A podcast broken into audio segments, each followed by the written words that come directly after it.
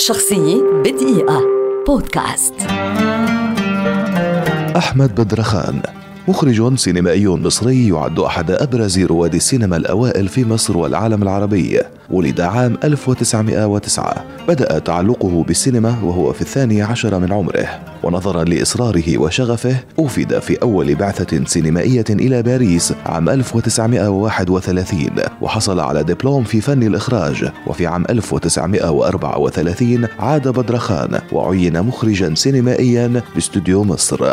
عام 1937 اختارته أم كلثوم بنفسها لإخراج ثاني أفلامها نشيد الأمل والذي كان بمثابة الانطلاقة الصاروخية لمسيرة بدرخان الحافلة بنجاحات كبيرة وأفلام كثيرة شكلت ذاكرة السينما المصرية وعزها مثل عايدة انتصار الشباب عهد الهوى تاكسي حنطور لحن حبي غريبة سجين الليل نادية وغيرها الكثير. تميز أحمد بدرخان بإخراج الأغنية السينمائية إذ تفوق بذلك على بقية زملائه المخرجين وذلك لأنه كان شاعرا وزجالا وكان يضع أفكار أغاني أفلامه. هذا بالإضافة إلى أنه قام بكتابة كلمات بعضها.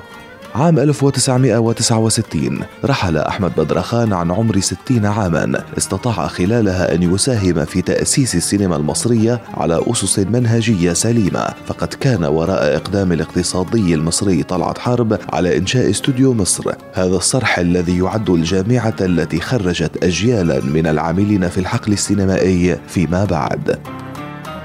شخصية بدقيقة. بودكاست.